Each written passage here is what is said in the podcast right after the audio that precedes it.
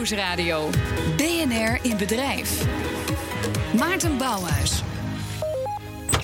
Het is ochtends vroeg en de ondernemers uit Alblasserdam, regio Drechtsteden, verzamelen zich vlakbij Kinderdijk om met elkaar een ontbijtsessie te hebben over wat misschien wel een van hun grootste bedrijfsrisico's is.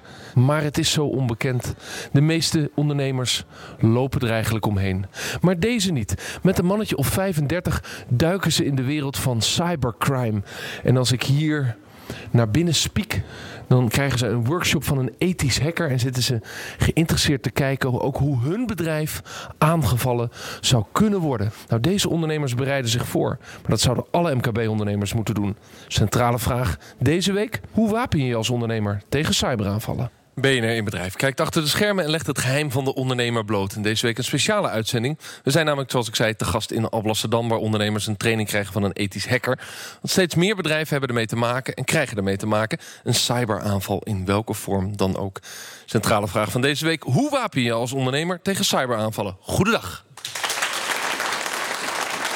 Ja, en het is eh, heerlijk om te zien die, eh, die bijna 40 ondernemers om mij heen. En bij mij aan tafel, uh, aan tafel ook een ondernemer, Xander Koppelmans, zelfstandig ondernemer, eigenaar van een foto- en videostudio. Uh, Yannick Verhoeven, ethisch hacker. En Mary Jo de Leeuw, cybersecurity expert. Jongens, van harte welkom in deze uitzending. Xander, we beginnen bij jou. Vier jaar geleden werd jouw bedrijf gehackt. Ja, klopt. En daar wil je over vertellen in deze uitzending. dat vind ik moedig en fijn. Dank daarvoor. Wat, wat gebeurde er? Nou ja, het was gewoon donderdagochtend en iedereen is aan het werk. En uh, er wordt op mijn raam geklopt van uh, er is iets aan de hand. Onze servers lopen leeg. En mijn servers lopen leeg. Je hebt een foto- en videobedrijf. Die ja. stond helemaal vol met, met, met ja, content voor je met klanten. Fotografie, met videobestanden, met grafische bestanden. En uh, die mappen die verdwenen één voor één. Ja. En, en was je toen direct in paniek? Of dacht je, nou ja, het zal nee, een bukje zijn? Ik was helemaal niet in paniek, want we hadden daar best goed op geïnvesteerd. En het bedrijf was kerngezond en we hadden hele goede backups georganiseerd. Dus ik had zoiets, nou ja, als het dan toch moet gebeuren, dan maar nu. Want uh, je, zijn Want je bent je voorbereid. Voor, ja. voorbereid ja. Je had zelfs backups staan. Stond dat in de cloud eigenlijk, zoals dat dan heet? Nee, nee wij, uh, wij produceren heel veel data. De, wij, fotostudio, elke druk op de knop is 50 MB. En dat doe je soms wel 2.000, 3.000 keer op een dag. Dat krijg je zo snel niet. Uh, en video is nog veel erger. Dat krijg je zo snel niet de cloud in. Wij zaten op een industrieterrein met een slechte internetverbinding. We hadden daar geen glasvezel. Dus dat, dat ging niet. Nee, en dus staan je backups binnen je bedrijf. Ja, uh, dan word je gehackt, dan zie je je bestanden verdwijnen. Je bent nog niet in paniek. Wat deed je daarna? Nou, we hebben een systeembeheerder gebeld. Die zit in Amsterdam. Van uh, wat moeten we doen? En die zei, nou trek de stekker er maar uit. Dus we hebben de... Dat was zijn basistip. Ja, ja de snelste. Oké. Okay. En, en, dat heb je gedaan? Dat hebben we gedaan. En toen is hij uh, naar ons toegekomen. En hij heeft de hele boel weer aangesloten. En ik was nog steeds niet overstuur. Want ik denk, nou ja, Komt over goed. een half uurtje kunnen we verder. Hè? We zetten de backups terug. En toen bleek dat niet alleen de servers, maar ook de backup servers. En ook alle werkstations. En alle harddisks die aan de werkstations hangen. Alles leeg was. Wauw. En het was ook echt weg? Het is, nou, het of is, zijn er dan nog manieren om het terug te krijgen? Ja, nou ja, dan heb je een data recovery bedrijf. En Ja. die, uh, die, uh, die stuur je die disks op en die belt jou op. Die zegt, nou, ik kan 80% van je data kan ik terughalen. Ik zeg, nou, dat is geweldig nieuws voor een paar duizend euro. Gelijk doen. Ja. En met 500 euro extra doet hij het nog met spoed ook. En dus de volgende dag klaar. Ik zeg, nou, uh, kom maar. En de volgende dag komt er een courier met die harddisks. En daar staat dus van elke foto 80%. Ja, dus je mist el- net de sweet spot van de foto. Ja, alle foto's, alle bestanden zijn stuk. En ze hebben ook geen namen meer, ze hebben nummers. En als je duizenden foto's maakt en alles staat door elkaar... en het zijn allemaal maar stukjes foto. Ja. Conclusie was als- alsnog alles Totelos. kwijt. Echt Ja. totelos. Wat heb je toen gedaan? Wat heb je toen gedaan? Nou, je gaat natuurlijk naar de politie. Ja?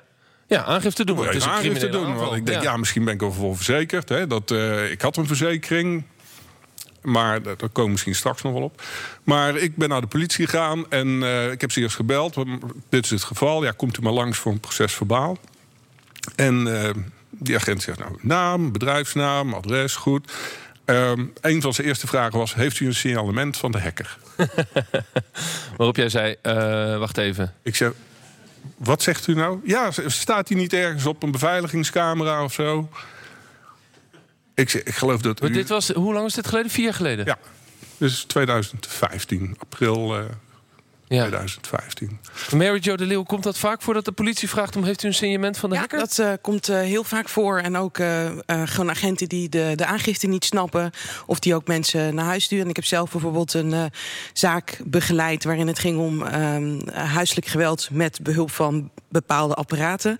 En nou, die, de politie die, die keek me ook echt zo aan van welke, welke taal spreekt u eigenlijk? Dus het, het is wel exemplarisch, ja dat, Helaas. dat die kennis zo achterlopen. Ik geloof dat Ja. de politie daar wel in aan het investeren is. Zie jij dat Ja. om je heen? Want dit is Klopt. vier jaar geleden. En sterker nog, ik word, ben ook gevraagd om in de maand eh, juni een hele week een specifiek aantal eh, politieagenten ook te gaan trainen. Maar het is wel echt iets wat, wat, wat veel voorkomt. En zeker bijvoorbeeld in het geval als je dan een vraag krijgt van oh, heb je een profielschets van de dader. Ja. Ja. ik denk dat je eerder geneigd bent in, in huilen uit te barsten dan serieus te bedenken om de vraag te gaan beantwoorden. Je ging naar de politie, want het was niet een klein bedrijfsdingetje. Het was een criminele aanval. En eh, hoe hoog is de schade eigenlijk opgelopen uiteindelijk voor je bedrijf? Nou, dat is een hele goede vraag. Uh, toen het gebeurde dacht ik, nou, dit, dit kan wel eens 50, 60.000 euro gaan kosten aan gedoe.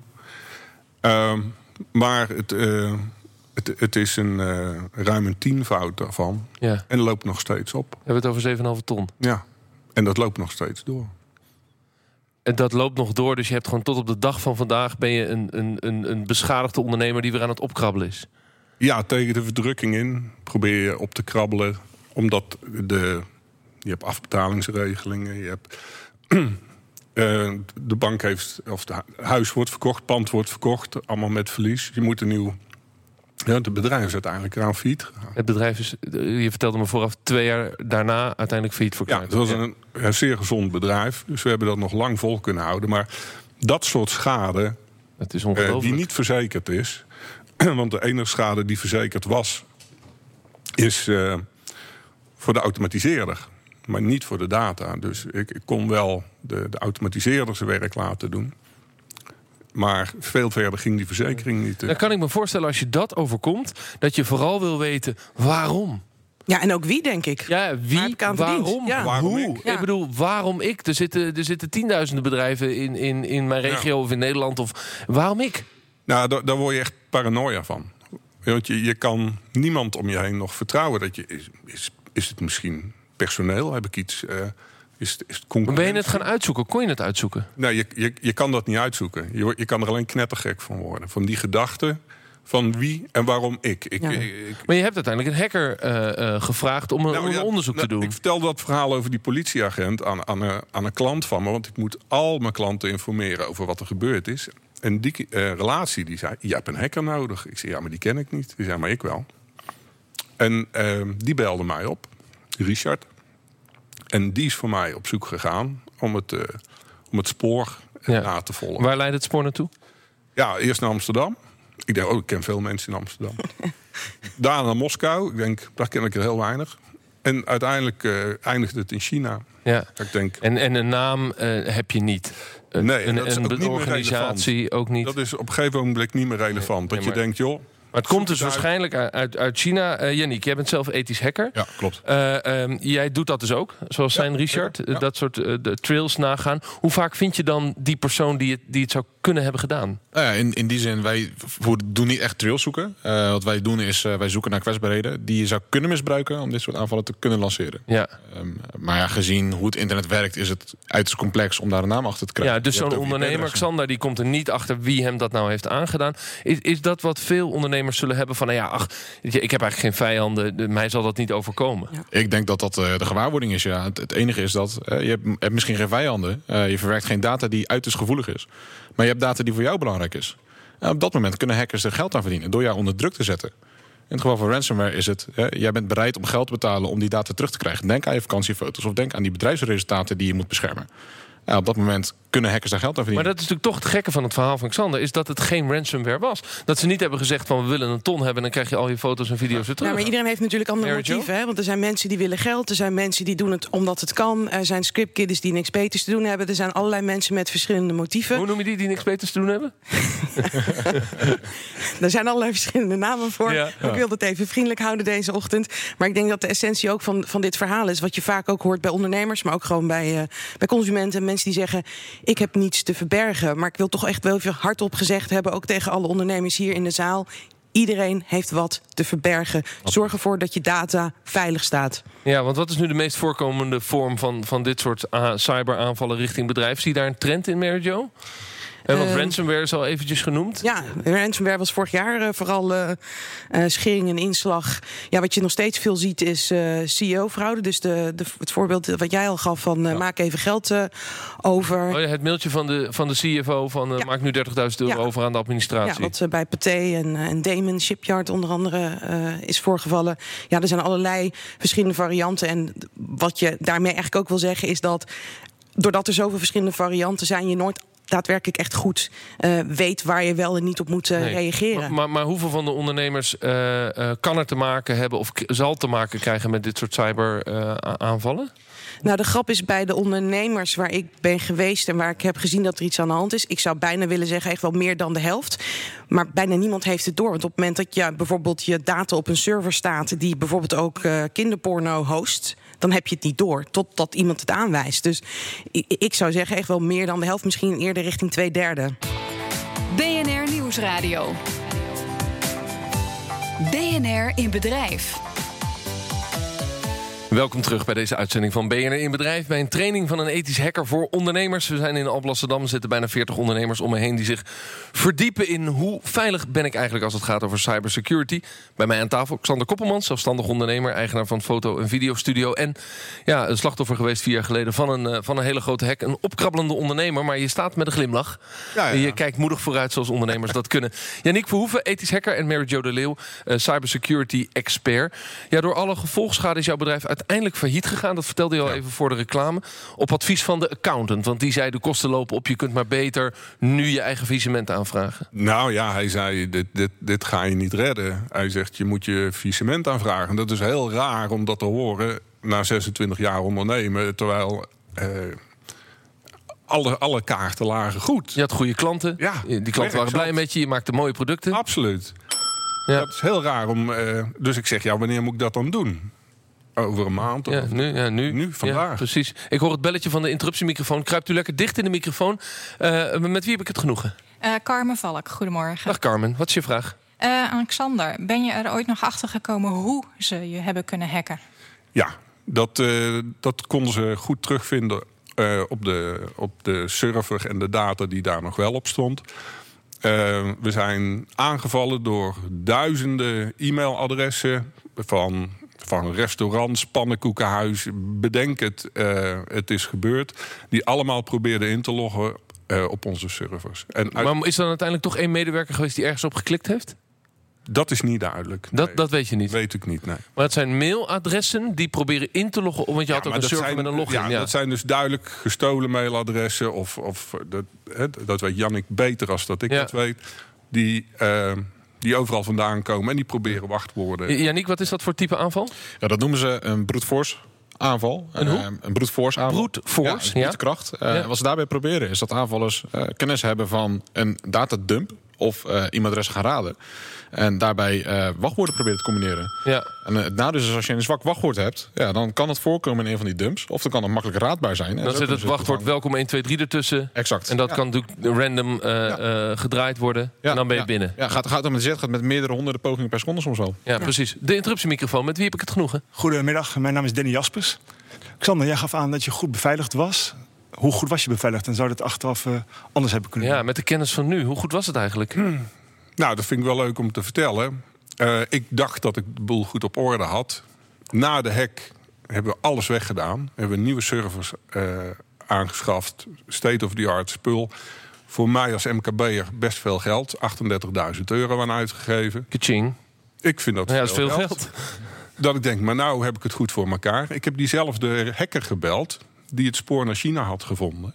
Ik zeg, Richard, wil jij eens kijken of het nou een beetje goed staat? Hij zei, oh, dat wil ik wel doen. Ik zeg, heb je nog gegevens nodig of zo? Hij zegt, nee. Misschien een rare vraag aan een hacker, maar ga door, ga door. Ja, maar ja, je weet het niet, hè? Ja.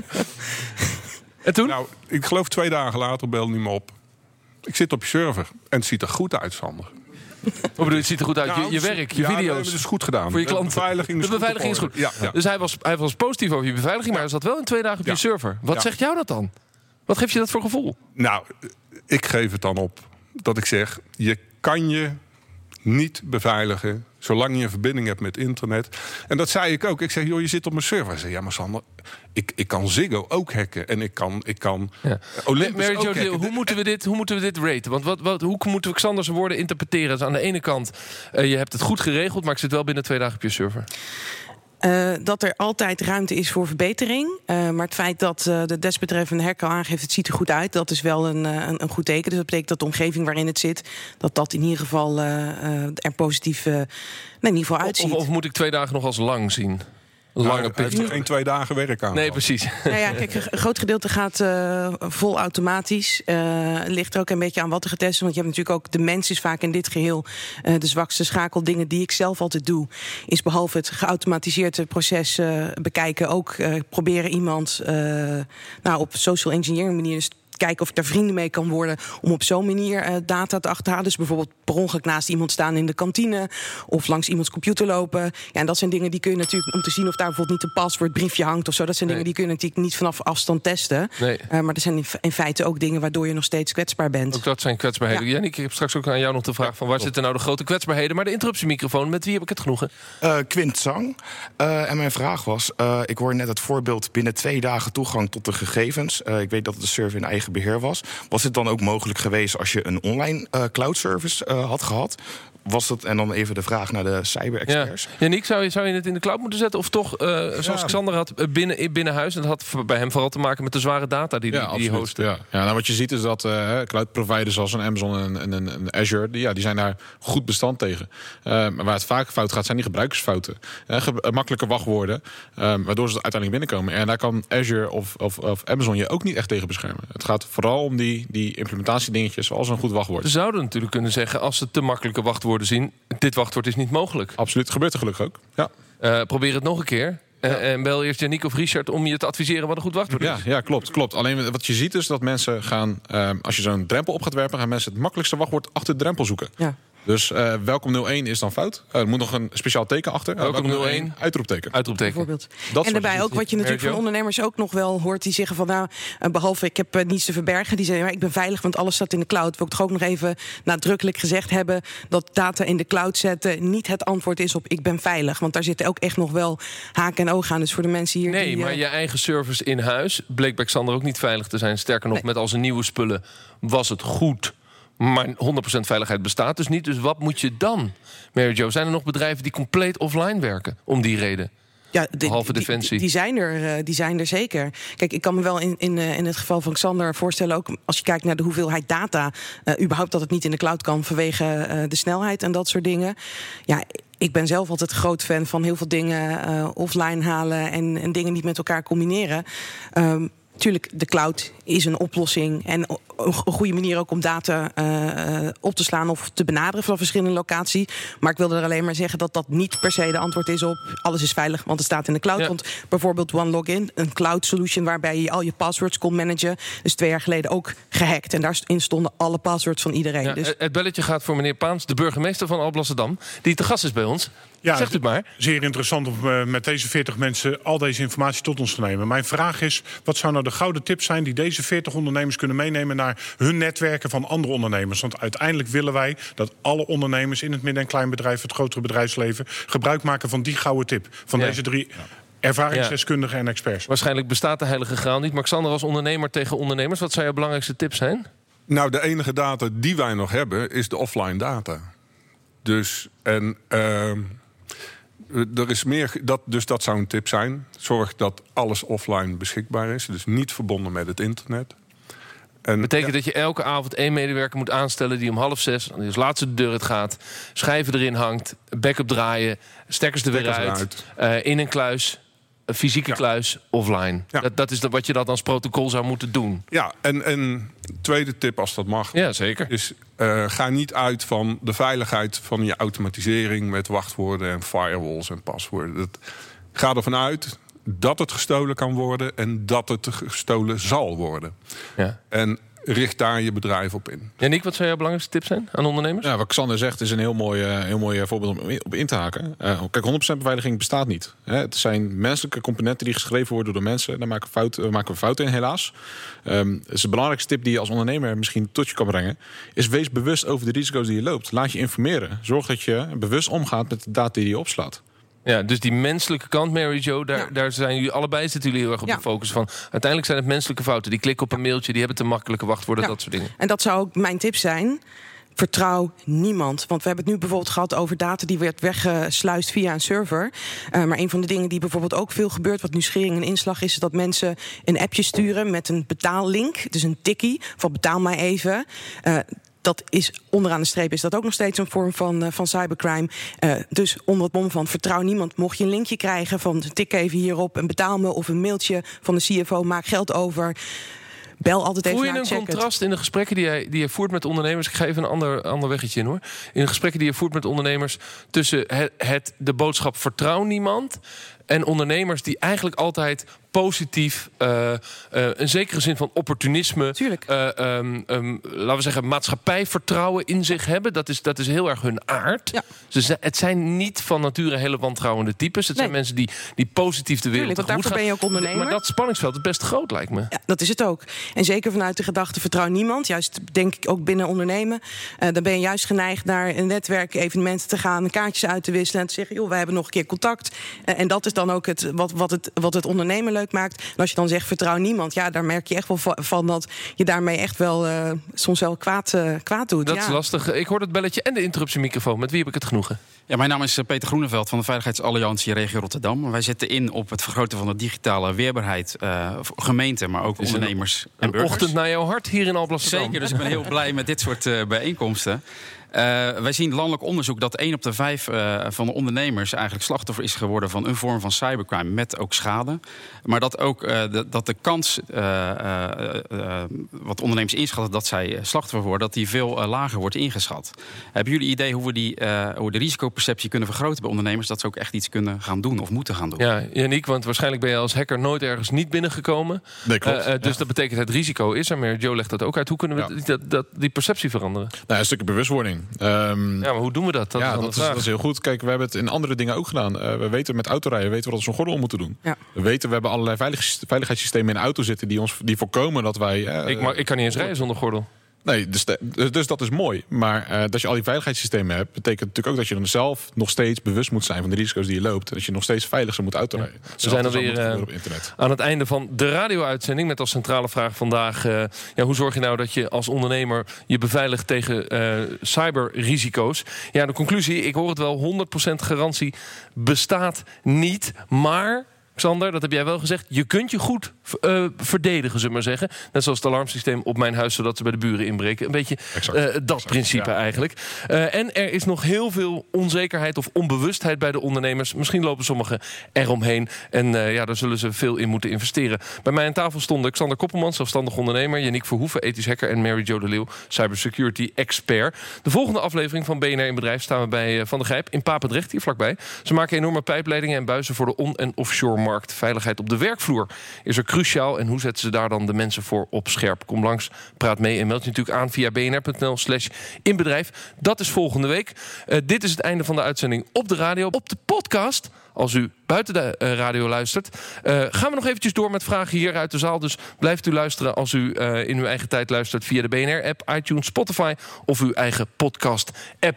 En dan ga ik direct naar de interruptiemicrofoon. Met wie hebben we het genoegen? Mijn naam is Dick Pennings. Uh, ik heb het bedrijf uh, Continu Kantoor. Wij verkopen kantoorbenodigdheden. En ja, we hebben, ik hoorde net van uh, het offline zetten en een backup maken. Nou, dat is eigenlijk voor ons ondoenlijk. We hebben iets van 30.000... Ja, kruipt u lekker dicht in de microfoon, ja. We hebben iets van 30.000 items met foto's, plaatjes. Ontzettend veel... vergelijkbaar met Alexander als een data. Ja, ontzettend veel content. iets van 1200 gegevens van, van, van rond de 1200 bedrijven.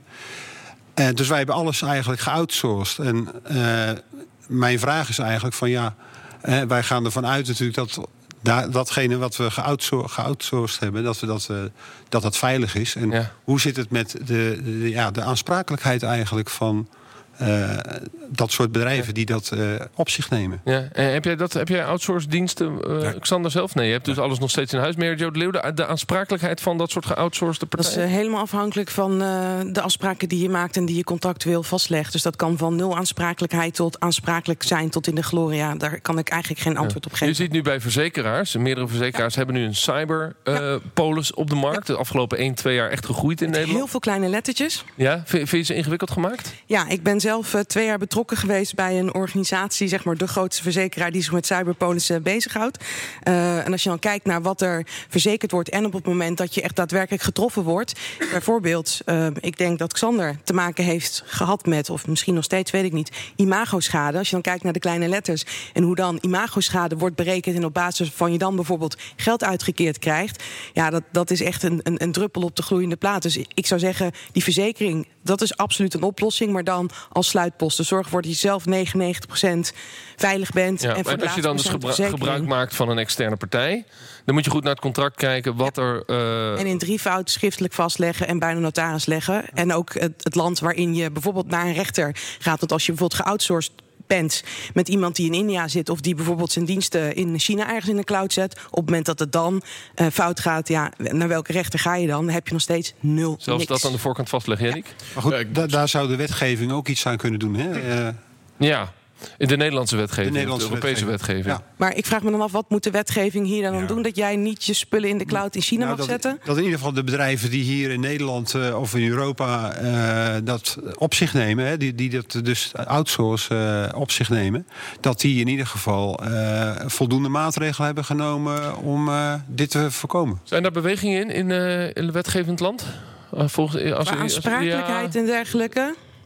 Want ik Ja, hoor net eh, wel, bij Xander, eh, Xander die, die vertelde van ja, het is eigenlijk geen, eh, hè, de, de dader, het is geen optie om daar achteraan te gaan. Maar ja, op het moment dat je zoveel schade hebt, is dat wel interessant om te kijken van joh, waar kan ik het verhalen? Voelt het oneerlijk dat je dan dus niet achter een dader aan kunt gaan? Voelt dat... Ja, dat vind ik wel ja. Ja, ja. Eh, Jannik, je wilt er ook nog even op reageren.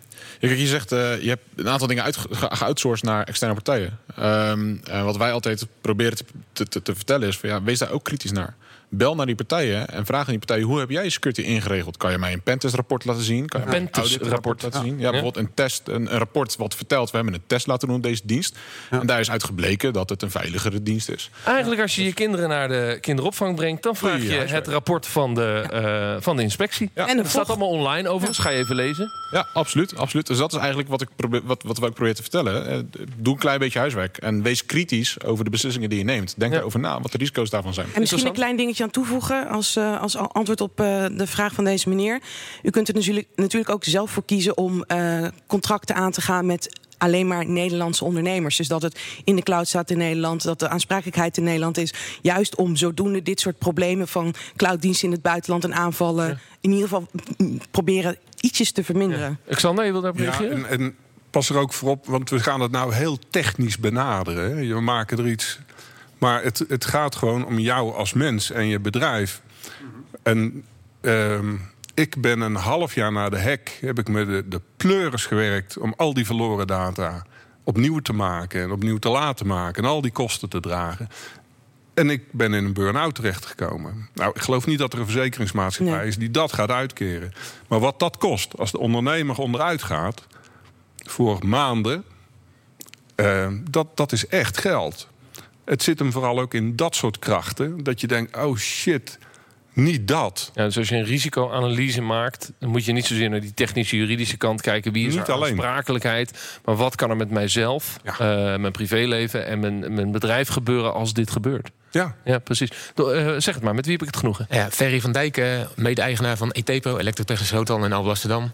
Eh mijn vraag is aan de cyber-expert. Op het moment dat je daadwerkelijk bent getroffen door zo'n cyberaanval... Hè, bijvoorbeeld met in het geval een ransomware... wat adviseren jullie dan? Eh, daadwerkelijk betalen of, of andere oplossingen? Ah ja, mooi. Eh, wat, wat gaan we doen? Gaan we betalen, Mary Jo? Nou, ik betaal nooit, maar ik, ik kijk Jannik? even naar jou. Ik Wat zou- vind jij? Nee, ja, ik, Ik zou betaal niet betalen. Never, nee. Nee, Nee, want maar je, als ondernemer denk ik, nou, 50.000 euro, het is veel geld. Maar jongens, eh, we schrijven het Absoluut. af door en dan kan ik Maar dat is morgen aan het garantie werk. tot aan de voordeur. Want ik heb ook meegemaakt dat mensen daadwerkelijk betaalden. En dat zeiden, oh, maar die 50.000 die kwam wel heel makkelijk los. Doe dan nog maar een keertje 50. Dus je hebt geen enkele garantie. Oké, dat maar wat doe je dan? Want ik wil wel mijn bestanden terug. Ja, het, Die Ferry kijken, ik ik moet mijn bestanden hebben. Ja. heb je een probleem op kantoor? Nee, nee, dat nog, nog niet. Maar stel je voor, ja. Nou ja, ehm, in feite heb je de enige wat je kan doen is kijken of je een backup hebt en dan proberen de backup terug te zetten. Niet voordat je ook daadwerkelijk de backup gecheckt hebt. Ehm, ja, en in het geval je niet wilt betalen, ehm, dan heb je maar één mogelijkheid en dat is voor een groot gedeelte opnieuw beginnen. Ehm, ja, dus het is een beetje kiezen tussen twee. eh, Jannie, kun je een tegenaanval plagen, eh, plegen? Nee, nee. Nou ja, dat- als je genoeg geld hebt misschien wel. Ehm, eh, je zou proberen om eh, te kunnen proberen om ja, te kijken of je de data kan ontsleutelen. Ja. Maar wat wij zien is dat dat eh, gewoon een heel moeilijk verhaal is. Die, die... Dus ik krijg als ondernemer ransomware binnen. Alles wordt geblokkeerd. Ja. Ik bedoel, ik ben ZZP'er. Het zou voor mij ook heel onhandig zijn. Eh, alleen al AVG-wise. En alle Klopt, ja. informatie van mijn klanten. Eh, en, en dan, dan? Dan is jouw advies niet betalen. Maar wat doe ik dan? Nee, Nee, kijk, mijn advies, advies als ethisch hacker is niet betalen. Want daarmee hou je het verdienmodel voor de aanvallers in stand. Hè, die verdienen daar geld aan. Dus die zullen daar door, mee door blijven gaan. Als ondernemer zou ik zeggen, ja, dat is inderdaad de kostenbaatanalyse. De menselijke kant is een hele andere verdediging die je kan treffen. Want inderdaad, 50.000 euro, je schrijft het af en je kan weer verder met je werk. En potentieel verdien je 2 ton. Dat is een hele makkelijke rekensom. Ja, die gaat heel snel voor mij. Maar goed, ik ben een alfa. Maar goed, even de, de, de, kleine stap die daaraan vooraf gaat, eh, is wel dat je voor een paar tientjes een virusscanner kunt installeren. En die wel het, het, het gros van de aanvallen, waardoor bijvoorbeeld je data geëncrypt wordt, eh, tegen kan houden. Dus ik zou wel zeggen, investeer in ieder geval, als je dan toch zo'n kostenbatenanalyse maakt, in ieder geval in een virusscanner. En zorg er ook voor dat op het moment dat je updates doet, dat dat op automatisch updaten aanstaat. In plaats van dat je denkt elke eerste maand van de maand... oh je is alles wel geüpdate. Zorg ervoor dat het automatisch gaat. Dan is de kans alweer aanzienlijk kleiner. Ja, oké. Tot slot. Nog wel even, ja, omdat Xander was naar de politie gegaan. Hè. Die- Ja. Destijds werd hij minder goed geholpen, heb ik begrepen. Nu eh, gaat u er naartoe om eh, ze op te leiden. Heeft het dus wel zin om naar de politie te stappen om dit aan te geven? Of zegt de politie dan van ja, Ik zeg, doe altijd aangifte. Eh, kijk, het feit dat ze daar niet altijd wat mee kunnen, dat, dat is een beetje onhandig. Maar je hebt ook de aangifte nodig op het moment dat je bijvoorbeeld een verzekering hebt, om daar eh, ehm, in ieder geval eh, een uitkering uit te krijgen. En dan is het ook dat mensen ervan kunnen leren. Het heeft altijd voordelen, maar ook voor de statistieken, et cetera. Ja, eh, het blijft natuurlijk eh, mensen die niet heel veel weten van cyberveiligheid. Als je daar dan heen gaat om een aangifte te doen. Ik snap dat ze dat niet helemaal eh, in, een aangifte kunnen, kunnen gieten. Maar absoluut doe altijd aangifte. Al help je daar niemand, iemand anders mee. Ik ga nog even kijken. Zijn er nog andere vragen uit de zaal van de ondernemers? Nu voor deze uitzending. Michael, zeg het maar. Nou ja, ik ben Michael de Man. Ik werk bij het platform Veilig Ondernemen. Ja. En ik wil eigenlijk een oproep doen aan de luisteraars. Eh, met behulp van het ministerie is er een landelijke subsidie binnengehaald. Waarbij we gemeentelijk en eh, nou ja, ook wel districtelijk nog van dit soort bijeenkomsten gaan organiseren. Dus ben je luisteraar, vind je het interessant? Het komt in heel het land. Dus hou de informatiekanalen in de gaten en schrijf je zeker in op het moment dat je zo'n bijeenkomst voorbij ziet komen. Ja, heel goed, dankjewel. Nog een vraag van een van de ondernemers. Zeg het maar. met, met wie heb ik het genoegen? Eén vraag. Ga lekker Eh, dicht in de microfoon. Hallo. Hallo, heel goed. Mooi. Ah, I love it. Een ander soort radio. Als ik, Bas eh, van ja. Als ik een factuur eh, stuur, dan staat daar mijn bankrekening op. En eh, mijn opdrachtgever die betaalt keurig netjes volgens eh, de factuur die bankrekening. Nou, ik word gehackt. Eh, er wordt eh, een, een geldbedrag eh, aan mij eh, gevraagd.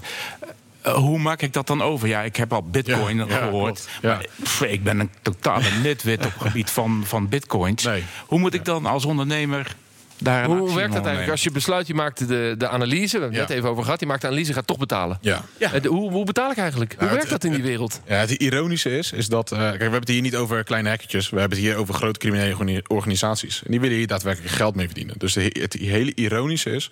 Dus als jij geld over wil maken, dat ze je daarbij helpen. Ja. Je kan een supportdesk bellen, mailen. Je kan supportchat starten. Ze helpen jou daadwerkelijk om die ransom te betalen. En Of een eh, bitcoin wallet voor je te openen. precies, exact. Zo vriendelijk. Ja. Ja, zo vriendelijk, ze helpen je. Ja. Maar dan heb je het gevoel dat je geholpen wordt door de criminele organisatie, dat je nog dieper hun funnel in loopt. Absoluut. Ja. Dat doe je ook. Ja, dus je wordt uiteindelijk niet geholpen met een oplossing, maar je wordt geholpen om verder het ravijn in te storten. En dat is dus ook een belangrijk argument voor jullie om te zeggen: betaal niet. Ja. Want alleen de betalingstransactie is alweer een, een stap de criminele funnel in. Absoluut.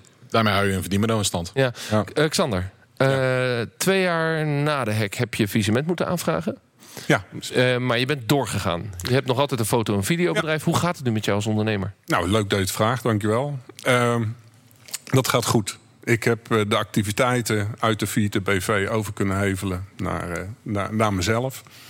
En eh, bijna alle relaties zijn gewoon gebleven. Het werk was, was er altijd al. Dus ik heb wel gewoon door kunnen werken. Ja, want je had prachtige klanten, Nutricia bijvoorbeeld, echte A-klanten. Die zijn er nog steeds. En die zijn gebleven. Of, en is er ook iemand van Nutricia, eh, Risk eh, of Compliance bij jou langs geweest? Om, of, of heeft het bij hun ook een alarmbel gedaan van ja, zo'n bedrijf, zo'n corporate heeft honderden leveranciers? Bedoel, wat, wat is de gevolgtrekking daar? Nou, eh, met name Nutricia, maar ook eh, Rijkswaterstaat... hadden echt grote problemen met het verdwijnen van die data. Ja, want Rijkswaterstaat was ook een klant van jou. Ja. Ja, maar de aanleg van de snelweg kan je niet opnieuw gaan fotograferen. Dat gaat niet, die ligt er inmiddels. En jij was de enige die die data had? Daar heb je een contract voor. Je, je volgt zo'n aanleg vier, vijf jaar. En als je uitsluitend uiteindelijk niet kan leveren... dan moet je al die jaren moet je terugbetalen. Dat begrijp ik. Dat is onderdeel van die enorme schade. Maar Rijkswaterstaat kan ook tegen zichzelf zeggen... ik ga in de toekomst zorgen dat ik elke maand zelf een backup krijg... van die data Ja, die ja. gegenereerd wordt over de aanleg van een snelweg. Ja, dus niet gebeurd. Nee. Mary Jo, zie je daar bijvoorbeeld in overheidswegen veranderingen ontstaan? Dat die bewuster zijn dat Nou, ze, is als ze dit soort relatief, met al het respect... kleine ondernemers vragen om, om dit soort grote verantwoordelijkheden voor de overheid eh, te Nee, pakken? het is meer eh, als je kijkt zelf naar alle faande ICT-projecten bij de overheid, dan is daar meer aan de gang dat ze grootschalig hun eigen verantwoordelijkheid afschuiven, dan dat ze verantwoordelijkheid nemen. Dus dat zou ik wel heel hard durven te zeggen dat ik daarin geen eh, verbetering zie. Nee, helaas. Yannick, je moest zelfs lachen bij het woord falende Ja, ICT klein beetje, ja, ja. van de overheid. Ja, goed, dat gezegd hebbende. Jongens, dankjewel nogmaals dat we hier te gast mochten zijn. Bij mij aan tafel stonden Xander Koppelman, die als ondernemer vertelde over wat hem overkomen is. Yannick Verhoeven, ethisch hacker. En Mary Jo de Leeuw, cybersecurity expert. Dit was BNR in Bedrijf. Bedankt voor het luisteren, ook via al onze podcastkanalen. Volgende week zijn we er weer. Bedankt voor het luisteren. Dag.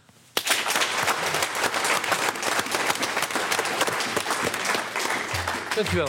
Dankjewel. Dat was leuk.